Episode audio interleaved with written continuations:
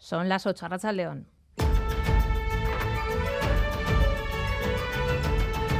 Crónica de Euskadi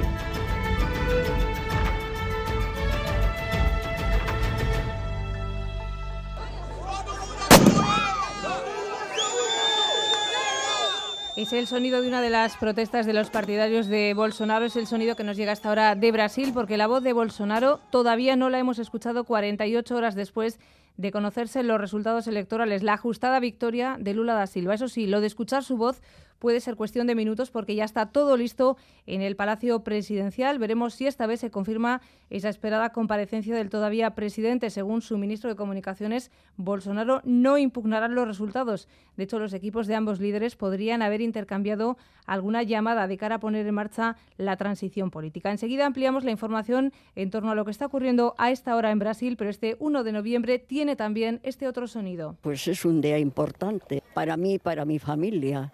Entonces, nos gusta venir a recordarles y a estar aquí, traer unas flores. Para reunirnos todos, comer y acordarnos de, de cosas pues bueno, íntimas con, con los familiares que por desgracia pues ya no están entre nosotros. Hombre, pues para mí es un día triste. Día de recuerdo, de reuniones familiares, de visitas y flores en los cementerios en memoria de todos esos seres queridos que ya no están. Miles de personas se han acercado en estas últimas horas a los cementerios en una jornada que se mueve cada año entre la tradición del Día de Todos los Santos y la del Puente de Noviembre, que este año ha dejado un fin de semana de cuatro días, marcado, eso sí, por la primera de las jornadas de huelga convocadas por un sindicato de tripulantes de cabina de Vueling. Enseguida vemos qué afecciones ha dejado. Antes vamos con los titulares del deporte pendientes del Alavés, que juega a esta hora en Santander Diego Arambalza, Arrachaldeón. Arrachaldeón, sí, choque que se encuentra en su recta final. Raúl Pando, Arrachaldeón. Arrachaldeón, Diego, minuto 29 de la segunda mitad, empate a uno en el Sardinero. Molina adelantó en el 22 a la Racing, en el 40 Miguel desviando un tiro de, de empató para el Alavés. Los goles en la primera mitad, mejor ahí en la primera parte el Alavés, más abierta. La segunda parte, hubo un gol anulado al Racing por empujón de Satruste a Javi López, así lo dictaminó el colegio después de consultar en el bar. Alcanzamos ya la media hora de la segunda mitad en los campos de Sport, Racing 1 a la vez 1. En la Liga Femenina, el Atlético ha conseguido la victoria en su visita al Granadilla Tenerife por 0-2. Por su parte, la Real ha empatado a 1 en campo del Atlético de Madrid. Vamos ya con la previsión del tiempo para las próximas horas. Pronóstico para este miércoles, Escamet, Nayara Barredo, Racha León.